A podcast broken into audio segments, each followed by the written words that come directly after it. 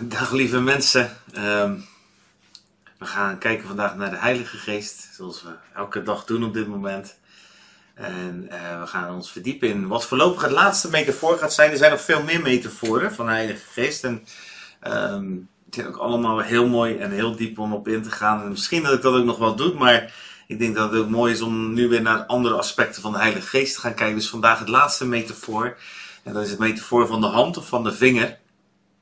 En um, uh, het is eigenlijk ook een heel uitgebreid metafoor wat heel veel voorkomt. Hè. Er is ook een connectie. Als je even eh, handoplegging uh, is iets heel belangrijks. De overdracht van kracht van de Heilige Geest door handoplegging. ook Gods hand in het Oude Testament werd vaak in verband gebracht met genezing, profetie, met schepping. Ehm, denk bijvoorbeeld aan uitspraken in het Oude Testament als de hand des Heren werd vaardig over of kwam over of kwam op of rustte op. Elia, Ezekiel enzovoort enzovoort. Um, maar daar ga ik nu niet al te diep in, want over het ontvangen van de Heilige Geest en over handen, en, en, daar komt er nog een apart filmpje over, dus dan gaan we daar uitgebreid op in. Maar vandaag ligt er in het metafoor denk ik iets heel anders verborgen, wat ook zeker um, ja, van belang is om in ons leven echt toe te passen, om daar ook echt mee aan de slag te gaan. Um, twee dingen die ik er vandaag uithaal over de hand of de vinger van God. De vinger van God, wat ook al in het woord vergeleken met de Heilige Geest. Uh, is dat één, ben je daadwerkelijk vrij, leef je vrij. En het andere is, leef je ook vanuit het nieuwe verbond. En die twee dingen zullen we ontdekken, zijn ook met elkaar verbonden. Um, de vinger of de hand van God legt in het woord een verband vaak met bevrijding. Uh, innerlijke bevrijding, uiterlijke bevrijding, het, het bevrijden van demonische machten. Uh, het vrij worden van je denken, van je ziel. Als je specifiek kijkt naar demonen, denk dan bijvoorbeeld aan een tekst als Matthäus 12, vers 28. Daar staat, daar zegt Jezus dit. En eh, als ik door de geest van God de demonen uitdrijf, dan is het koninkrijk van God bij u gekomen. Matthäus 12, vers 28. In Lucas 11, vers 20 kom je in precies dezelfde situatie. Voor een heel groot deel is dat ook op dezelfde manier beschreven. Maar dan staat er, als ik door de vinger van God de demonen uitdrijf, dan is het koninkrijk van God bij u gekomen.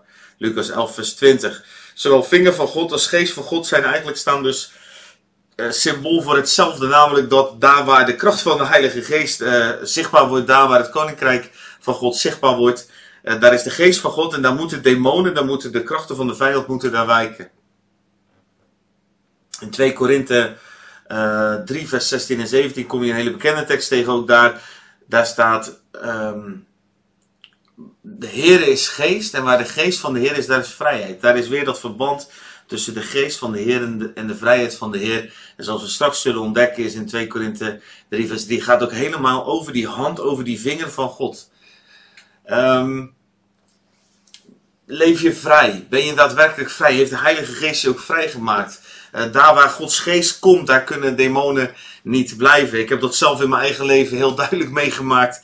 Toen ik me echt ging uitstrekken naar de kracht van de Heilige Geest. En maar ook echt ging verdiepen in wie de Heilige Geest was. En wij de Heilige Geest uitnodigden in ons huis, in onze kamer. Um, ja, gingen er ook allerlei andere machten zich roeren en allerlei andere machten manifesteren. Daar waar de Heilige Geest komt, kan geen onheiligheid zijn. En elk deel van ons lichaam, elk deel van ons denken, waar wij de Heilige Geest uitnodigen en toelaten, daar zullen de vijand automatisch moeten wijken. Maar die strijd gaat zich wel afspelen. En dus hoe meer wij het koninkrijk van God zichtbaar zullen zien in ons leven. En hoe meer het koninkrijk van God zichtbaar wordt in ons. Uh, hoe meer ook demonen zullen moeten wijken. Demonische invloeden, demonisch denken. Alles wat van de vijand is in ons zal moeten wijken. Elke leugen. Het heeft alles te maken met en is ook verbonden aan um, het daadwerkelijk leven vanuit het nieuwe verbond. En de Heilige Geest als de vinger van God of als de hand van God is ook juist daar ontzettend aan verbonden. En ik wil je even meenemen dan um, in een aantal teksten die daar ook, ja, geloof ik vandaag ons echt toe mogen prikkelen. En daar gaan de challenge ook vandaag over. De uitdaging, de, de vraag die ik je mee wil geven.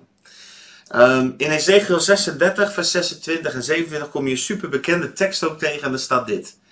Dan zal ik, God, u een nieuw hart geven en een nieuwe geest in uw binnenste geven.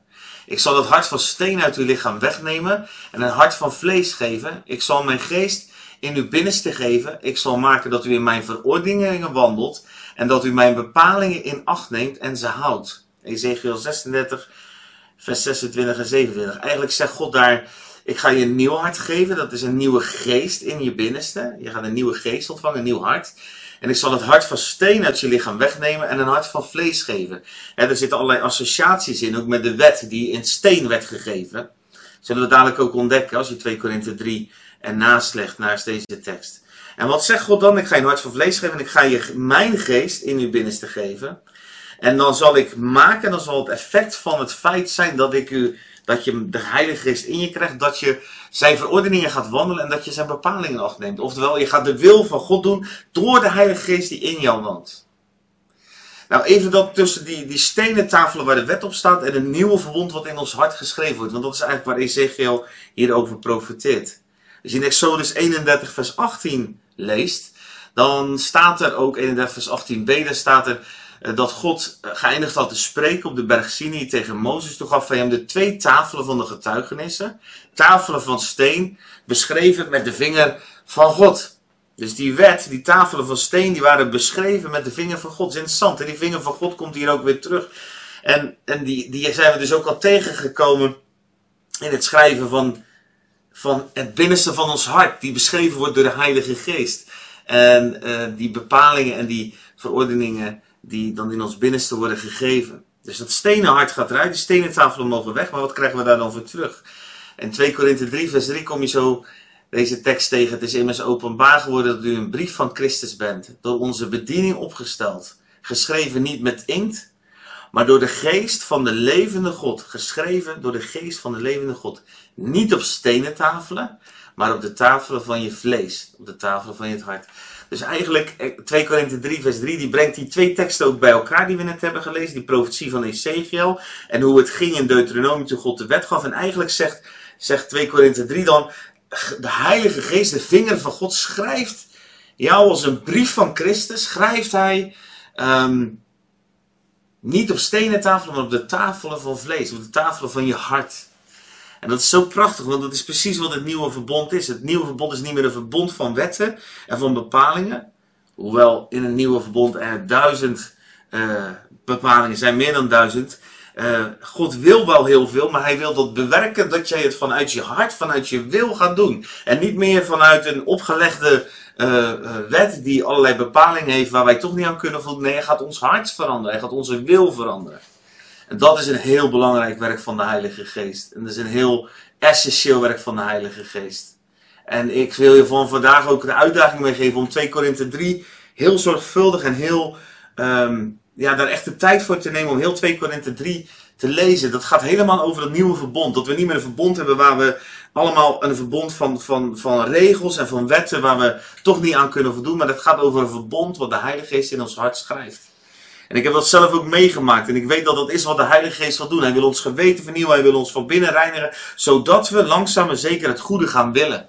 En dat we in de dingen waar we niet het goede willen, direct die stem van de Heilige Geest horen. Direct die, die, die, dat, die duif op onze schouder die dan begint te fladderen. Van hey, ho even. Dit is niet wat God wil. Dit is niet wat God op jouw hart wil schrijven. Ik wil je vragen vandaag. Om als je 2 Korinthe 3 gelezen hebt. Om je uit te strekken naar die vinger van God.